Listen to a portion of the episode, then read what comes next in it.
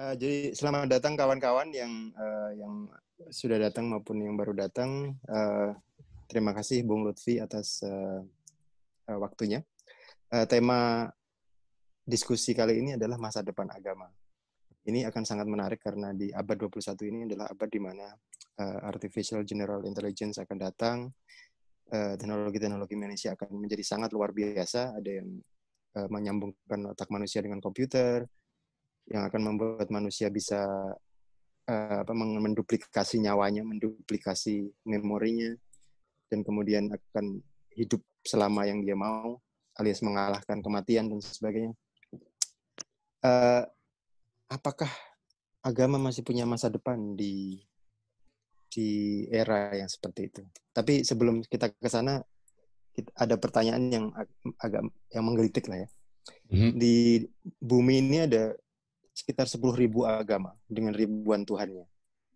Kalau menurut Bung Lutfi itu dari 10 ribuan agama itu benar semua, salah semua, atau benar salah satu? Ini multiple choice ya, harus dipilih. uh, gini, ini kan pertanyaan yang nggak bisa dijawab dengan iya atau tidak, karena pertanyaannya uh, kompleks, maka dan pertanyaannya itu juga mengandaikan penjelasan. Misalnya pernyataan uh, masa depan agama yang pertama adalah masa depan yang mana? Kan kita punya time frame waktu yang banyak sekali nih. Mau lima tahun, 10 tahun, mau 50 tahun, mau 100 tahun, mau satu juta tahun. Ini time frame yang yang harus kita jelaskan dulu kalau kita mau bicara tentang masa depan ya Kemudian hmm. agama definisinya juga banyak sekali. Masing-masing orang punya definisi tentang agama. Masing-masing uh, lembaga agama sendiri itu punya definisi, definisi tentang agama. Apa yang dianggap oleh seorang sebagai agama belum tentu dianggap oleh kelompok lain atau orang lain sebagai agama. Gitu. Jadi kalau pertanyaannya bagaimana masa depan agama, kita harus mengklirkan dulu masa depan seperti apa, agama yang didefinisikan seperti apa gitu. Nah, kalau kita merujuk pada temuan-temuan ilmiah atau proyeksi ilmiah, salah satu lembaga yang paling sering melakukan riset tentang agama, termasuk uh, masa depan agama adalah Pew Research Center kan. Tahun 2012 misalnya Pew Research Center itu mengadakan riset tentang kira-kira uh, bukan hanya pop, jumlah populasi agama di dunia, tapi juga proyeksi mereka terhadap agama-agama di dunia tahun 2050 gitu. Nah, temuan temuan ini menarik. Kira-kira konstelasi pemeluk agama secara umum tidak banyak berubah, cuma jumlah uh, persentase populasinya aja yang yang berubah. Misalnya tahun 2050 proyeksi Pew Research Eh, populasi Kristen itu kurang lebih sama dengan populasi Muslim. Kalau sekarang kan mayoritas penduduk uh, bumi itu beragama Kristen, baik uh, Katolik maupun Protestan maupun denominasi lain. Nah, nanti tahun 2050 itu jumlahnya hampir sama, kurang lebih Kristen itu 31,4 persen, 2,9 miliar, Muslim itu 2,8 miliar atau 30 persen. Nah, Pew Research juga memprediksi tahun 2100 jumlah Muslim baru melampaui uh, Kristen sekitar satu persen. Kenapa? Kenapa uh, agak lambat dari prediksi sebagian orang? Jadi Muslim ini kan akselerasi pertumbuhannya cepat sekali. Tetapi kenapa Eh, baru 2100 itu baru dilampaui oleh jumlah populasi muslim. Salah satu sebabnya adalah di kalangan Kristen sendiri infertility rate-nya itu cukup tinggi, jadi sekitar 2,7 persen eh, angka angka pertumbuhan eh, di komunitas Kristen yang kurang lebih sama dengan Muslim. Itu yang menjelaskan kenapa populasi eh, Kristen dan Islam baru akan sama pada 2050 dan baru akan dilampaui pada 2100. Nah, jadi uh, ini maksudnya uh, Bung Amin, kalau kita bicara hal iya. hal-hal yang konkret, ya yang harus kita katakan adalah ini. Saya tahu maksud Anda adalah membicarakan tentang relevansi agama. Pertanyaan masa depan agama kan yang biasanya yang dimaksudkan adalah apakah agama itu masih relevan atau tidak. Berdasarkan tren demografik tahun sekitar sampai tahun 2050 ya, di mana uh, orang Kristen akan akan hampir sama jumlahnya dengan orang Islam sekitar 30%. Jadi 60% penduduk dunia itu antara Kristen sama Islam ya. Uh, tapi uh, ini kalau agak melompat lagi uh, misalnya tahun 2200 atau tahun 2300 uh, Noah Harari itu punya prediksi bahwa karena relevansi agama akan menjadi sangat berkurang di mana manusia sudah bisa apa namanya mengalahkan kematian dan sebagainya itu uh, eh, 2200 katanya hampir semua agama yang ada sekarang akan musnah. Either diganti dengan agama baru atau memang tidak dibutuhkan sama sekali gitu. Karena memang uh, apa namanya pertanyaan-pertanyaan di abad 22 apalagi akhir abad 21 misalnya itu tidak tidak banyak dijawab bisa dijawab oleh agama. Kalau menurut uh, Bung Lutfi gimana dengan prediksi semacam itu? Iya, uh, seperti kebanyakan prediksi ya kita tidak bisa mengatakan dengan pasti uh, kecuali menunggu hasilnya dan itu uh, lama kan. Saya mau kasih analogi aja. Uh, sikap berlebihan Harari itu pernah ada, bukannya tidak ada sama sekali. Kalau kita baca sosiologi agama, abad 19 adalah uh, abad uh, apa lahirnya teori sekularisasi yang mengikuti tentang Eh, kajian-kajian sekularisasi itu pasti tahu semua. Salah satu mhm. tesis teori sekularisasi adalah abad akhir abad ke-19 eh, seluruh agama akan mati. Semua orang akan beralih ke menjadi modern, menjadi rasional dan seterusnya. Prediksinya mhm. ham boleh dibilang tanpa kecuali dari Weber, Durkheim dan seluruh uh, ilmuwan uh, sosial pada abad ke-19 itu meramalkan bahwa agama itu akan mati. Nah, tapi kita tahu semua eh, menjelang akhir abad ke-19 sejak tahun 70-an tiba-tiba agama bangkit dan para sosiolog agama eh, mereka biasa menerbitkan bukunya di Journal of Sociology of Religion. Itu kalau Anda simak eh, terbitan dekade 90-an hampir setiap edisi itu mereka mendiskusikan apa yang disebut the death of secularization theory. Matinya teori sekularisasi. Jadi dari sesuatu yang sangat yang sangat uh, confident bahwa agama akan mati ternyata jadi berbalik.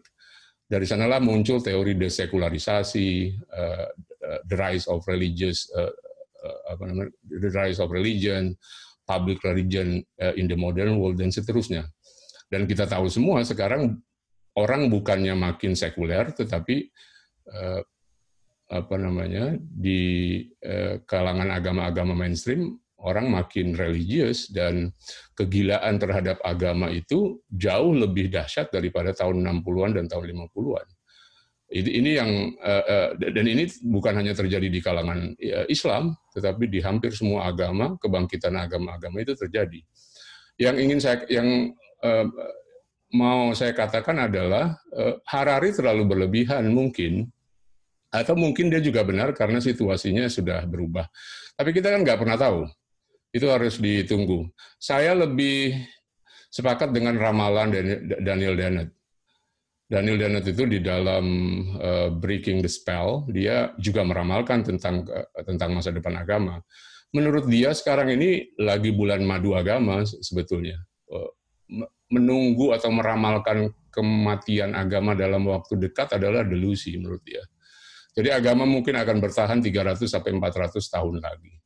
Paling cepat agama mulai mati kata Daniel Dennett itu sekitar 400 sampai 500 tahun dari sekarang. Gitu. Ya tapi yang namanya prediksi kita nggak tahu. Hmm. E, harus nunggu 200 buka jangankan 400 200 tahun aja kita nggak tahu apakah kita masih eh, apa yang yang jelas kalau kita nggak punya uang dan ramalan akan keabadian uh, manusia belum datang ya kita semua akan mati gitu. Ya, Jadi itu uh, mak maksud saya uh, mungkin saja agama tidak tidak lagi relevan, tetapi uh, kita nggak tahu kapan pastinya. One day ya mungkin akan akan terjadi itu. Atau mungkin uh, kalau Clifford the Hertz kan pernah bilang bahwa uh, agama itu sebenarnya cultural system. Ketika dia tidak menemukan relevansinya, dia akan menjadi budaya kayak uh, Einstein kan pernah juga bicara aku itu memang Yahudi tapi cuma secara budaya tapi agamanya tidak aku ikutin sama sekali gitu. Hmm. Nah itu tadi itu terkait dengan definisi agama kan. Agama sebagai hmm. sebuah institusi kan relatif sangat baru. Nah pro, ini hmm. problem problem penulisan sejarah agama juga. Gini problem kita dalam memahami agama salah satunya adalah karena agama selama ini ditulis dalam kerangka uh, apa conventional history. Conventional history itu adalah lawannya uh, big history. Big history itu baru belakangan berkembang dalam 10-20 tahun uh, terakhir. Uh, Harari adalah salah satu uh, prominent historian yang melakukan pendekatan big history. Nah, uh, pemahaman kita tentang agama selama ini itu karena pendekatan yang konvensional history itu melihat sejarah panjang manusia itu dari 5000 tahun sebelum Masehi sampai sekarang dan pusat dari seluruh kajian tentang tentang uh, sejarah itu adalah manusia. Jadi betul-betul betul-betul homosentris manusia itu dilihat sebagai pusat segalanya, pusat kajian. Bayangkan seluruh sejarah, eh, bahkan ada yang bilang tiga perempat penulisan sejarah itu adalah tentang manusia sekitar 100 tahun terakhir. Nah, Anda bayangkan penulisan tentang sejarah agama, yaitu tiba-tiba agama muncul pada empat atau lima milenium eh, yang lalu gitu. Sementara kalau di dalam kerangka eh, big history, sejarah besar, itu manusia hanya ditempatkan sebagai salah satu salah satu elemen dari uh, cosmic evolution yang panjang sekali. Nah, menurut saya cara pandang terhadap agama dari perspektif big history itu belum banyak dilihat orang. Harari adalah salah satunya dan beberapa beberapa uh, saintis, ilmuwan yang memiliki apa namanya latar belakang ilmu-ilmu uh, keras itu sekarang melihat agama dari kerangka itu juga, termasuk Daniel Dennett yang saya sebutkan tadi. Nah, jadi kita punya persoalan sebetulnya ketika melihat agama, framework kita dalam melihat agama itu dalam rangka, dalam time frame yang pendek sekali. Padahal kalau kita eh, apa namanya perpanjang sedikit aja, nggak usah sampai sejarah Big Bang, tetapi sampai 70 ribu tahun atau 80 100 eh, tahun 100 juta 100 eh, ribu tahun yang lalu itu kita sudah memiliki perspektif yang berbeda tentang manusia kan. Ada ada revolusi kognisi 70 ribu tahun yang lalu dan di situlah mulai segala eh, segalanya terjadi pada diri manusia, pada alam semesta dan seterusnya. Nah jadi kalau ditanya eh, agama itu apa, ya sejarah agama itu baru sama sekali, ba, eh, baru eh, bermula dengan sejarah peradaban, dengan uh, sejarah ketika manusia memutuskan untuk untuk uh, tinggal dari hunter gatherer eh, sepuluh ribu tahun yang lalu, kemudian menjadi memutuskan untuk tinggal menetap dan dari sana mengkultivasi, me, mendomestikasi uh, tanaman dan hewan dan seterusnya. Gitu. Nah, agama itu baru muncul di situ. Padahal ada yang lebih tua dari agama yaitu keyakinan belief atau iya, keyakinan itu usianya jauh lebih tua dari uh, agama. Terus uh, ini ini ini kaitannya sama teknologi-teknologi baru yang akan segera datang ya. Misalnya uh, uh, OpenAI OpenAI GPT-3 yang baru keluar sebulan yang lalu itu uh, softwarenya sudah bisa bikin kitab suci, sudah bisa bikin uh, legal document, sudah bisa bikin musik, sudah bisa bikin uh, banyak hal yang lain dan uh, dalam waktu yang tidak terlalu lama lagi mereka mungkin sudah bisa apa namanya melewati Turing test dan dan uh, artificial general intelligence alias uh, software yang lebih pintar dari manusia sudah akan sudah akan ada. Nah, uh, kalau Einstein itu pernah memprediksi bahwa di masa depan akan ada agama baru yang lebih kosmik, yang lebih rasional. Itu menurut dia. Itu salah satu uh, alternatif mungkin kalau Bung Bung Lutfi bilang mungkin 400 tahun, 500 tahun ke depan.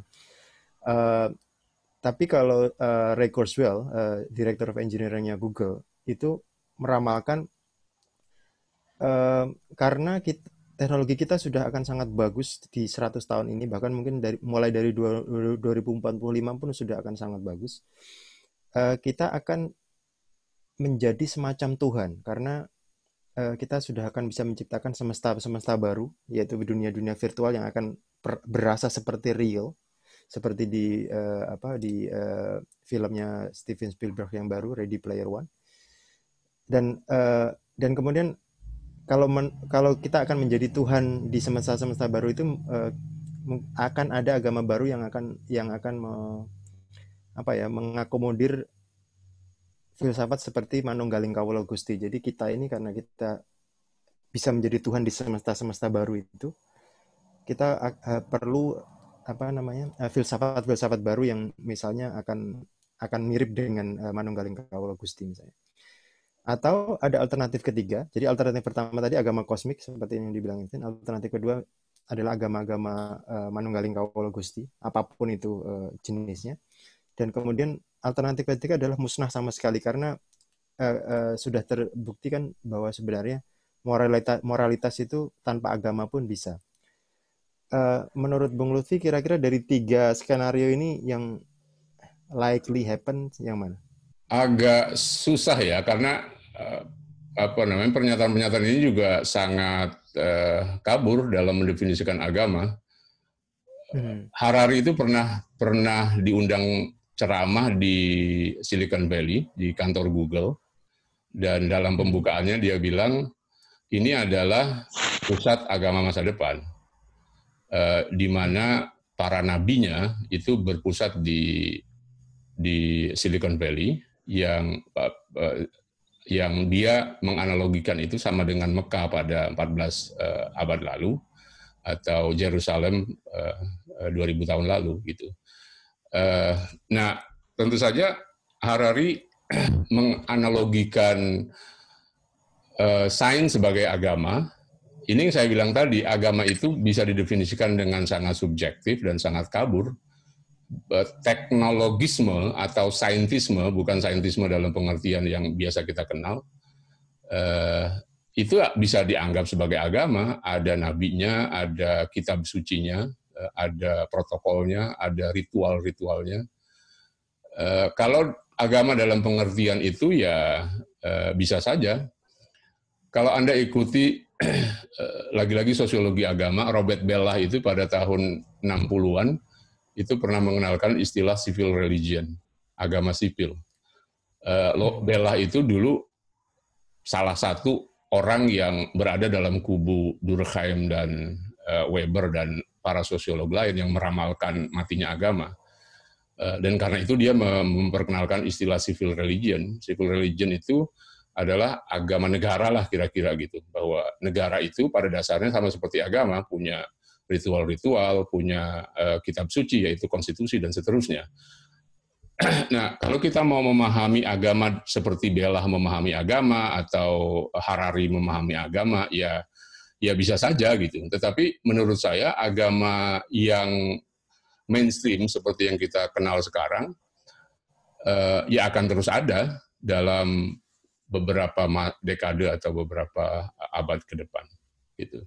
Bahwa ada competing other religion itu ya terjadi. Lagi-lagi nanti kompetisi ini akan dimenangkan oleh siapa kita tidak tahu. Sama seperti 14 abad atau 20 abad yang lalu kan ada kompetisi agama dimenangkan oleh Kristen, dimenangkan oleh Islam, dimenangkan oleh agama-agama yang kita kenal mayoritas sekarang gitu who knows 200 hmm. tahun atau 300 tahun dari sekarang Kristen mati atau menurun populasinya di uh, kemudian digantikan dengan agama baru yang lebih saintifik, yang lebih ilmiah, yang lebih kompatibel dengan uh, tuntutan zaman nanti gitu.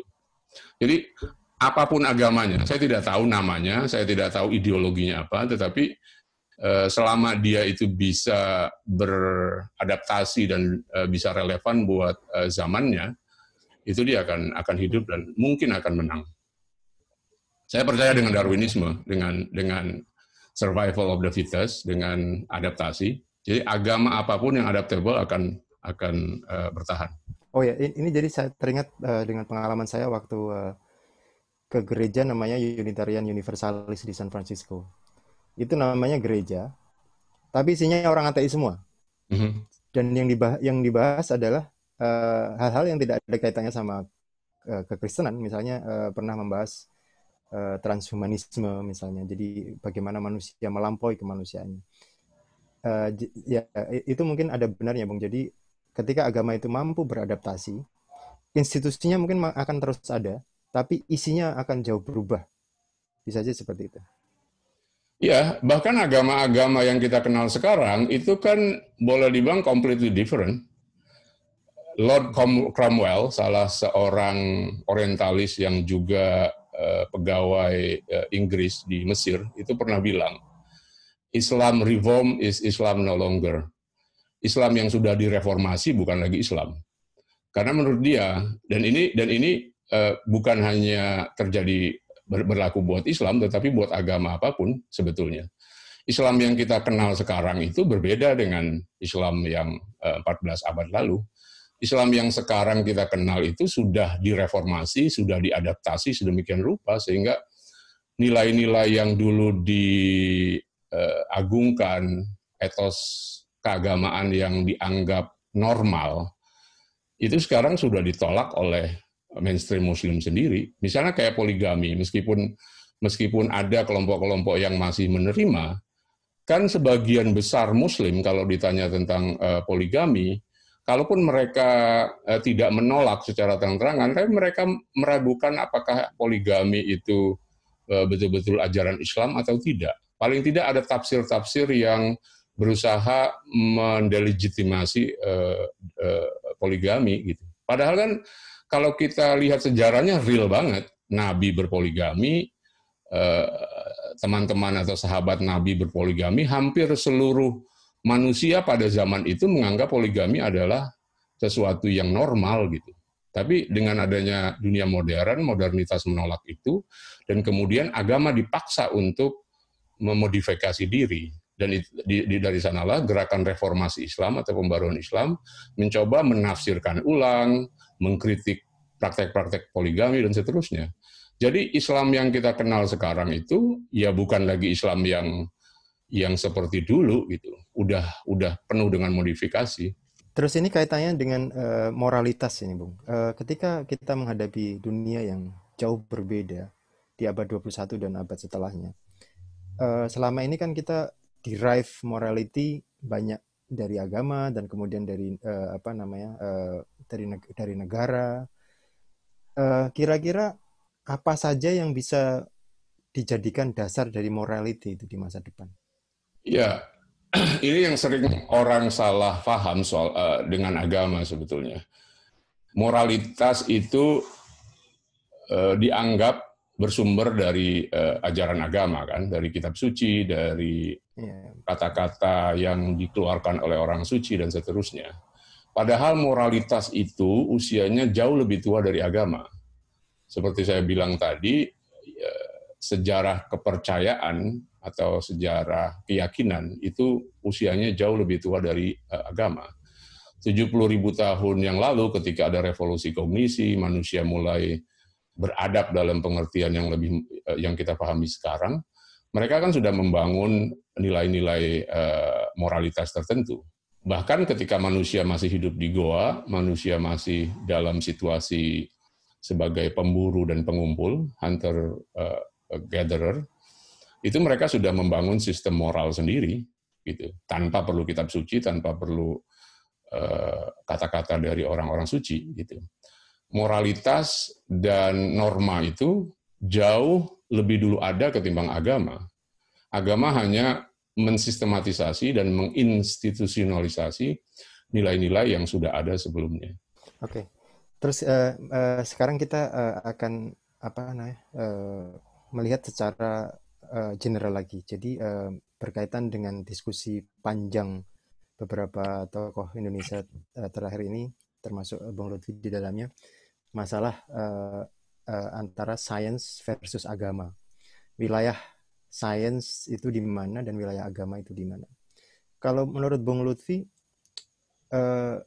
perdebatan sains versus agama ini apakah akan terus ada ataukah uh, nantinya akan akan akan ada versi yang berbeda. Karena agama yang yang yang yang sekarang dimengerti oleh manusia itu kan oleh oleh sebagian besar manusia ya itu kan uh, menjadi sangat apa ya sangat sangat terbelakang lah ya. Kalau misalnya diskusinya antara sains versus filsafat mungkin masih masih bisa di masih bisa dimengerti gitu. Apakah ke depan ini masih ada diskursus uh, science versus agama yang yang yang kalau kita bilang agama dogmatis ini ataukah diskursusnya akan menjadi hanya science versus filsafat menurut Bung Liti gimana? Uh, iya, ini sebetulnya kalau mengikuti perdebatan agama dan sains tidak bergerak ke mana-mana. Uh, perdebatannya dari 20 tahun yang lalu sampai sekarang ya begitu-gitu aja Cuma mungkin karena mediumnya yang makin uh, menyebar luas, tetapi argumen-argumennya baik dari kedua kelompok sebetulnya tidak tidak terlalu jauh berbeda. Misalnya apa yang disebut sebagai New Atheism, Dawkins dan kawan-kawan sebetulnya kan cuma mengamplifikasi argumen-argumen um, lama. Kalau kita baca bukunya Dawkins, uh, God's Delusion, itu kan argumen-argumen dari beberapa filosof ateis sebelumnya, cuma dia perkaya dengan temuan-temuan sains terbaru dan seterusnya. Nah, eh, kenapa begitu? Menurut saya karena memang tidak ada eh, apa ya? Kalau Stephen Joe Gould bilang itu ada ada noma namanya.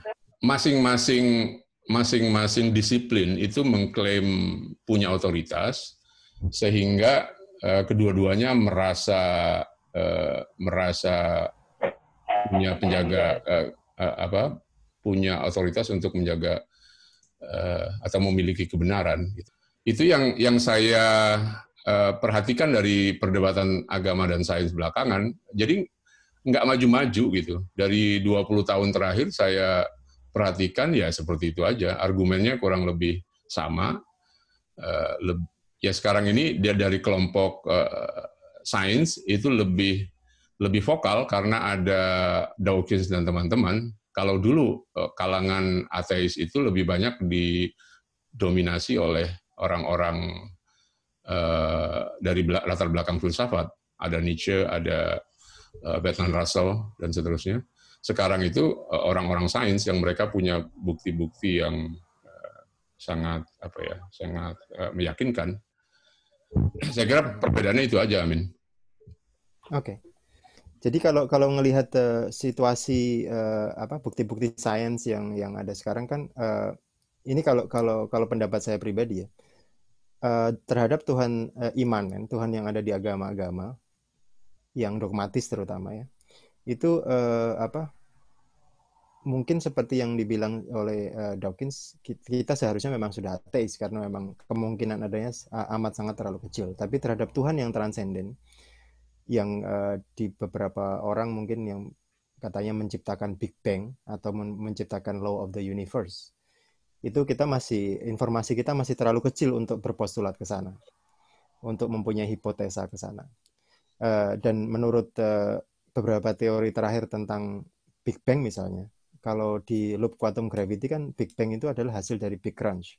Kalau menurut string teori Big Bang itu adalah satu di antara triliunan Big Bang yang lain jadi eh, apa namanya? Tuhan itu akan semakin dimundurkan ke ke semesta yang yang yang awal atau mungkin sebelum itu gitu. Jadi setelah itu Tuhan tidak ikut campur sama sekali terhadap uh, apa namanya uh, dinamika semesta. Nah kalau kalau kalau dengan dengan uh, sains yang sudah seperti itu, uh, terus kemudian berhadapan dengan manusia yang otaknya masih otak otak kadal ini itu uh, uh, kira-kira apakah Bung setuju bahwa agama masih punya waktu sekitar 400 tahunan? Seperti Daniel Dennett itu.